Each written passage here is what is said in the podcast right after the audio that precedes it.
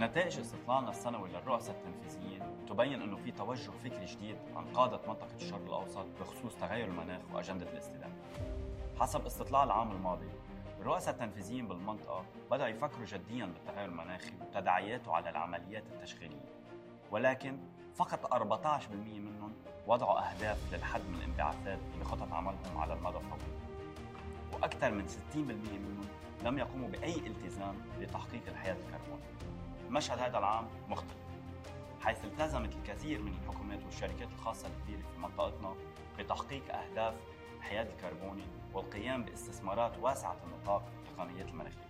لا شك أن مؤتمر COP 27 الذي انعقد بمصر في نوفمبر 2022 ساهم بتسليط الضوء على مخاطر ارتفاع درجات الحرارة عالميا خاصة بمنطقتنا التي تأثرت بشكل كبير بتداعيات تغير المناخ وعندها كمان فرصة لقيادة الحلول العلمية في الكثير من المجالات.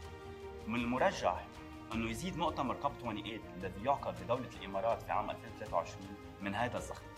والملفت والمشجع باستطلاعنا هذا العام أنه الالتزامات بدأت تنعكس فعليا على أرض الواقع حيث سيتخذ نصف الرؤساء التنفيذيين بهذا العام خطوات للتخفيف من مخاطر تغير المناخ كما أنهم بدأوا بتحديث المنتجات والإجراءات المراعية للمناخ وتنفيذ مبادرات للحد من انبعاثات الكربون بشركات بالنسبة للمنطقة بتستثمر كثير بالوقود الأحفوري أفاد اثنين من كل خمس رؤساء تنفيذيين في المنطقة بأنه التحول لمصادر طاقة جديدة من المرجح أنه يكون له أثر كبير على قطاعات أعمال على مدى عشر سنوات ممكن.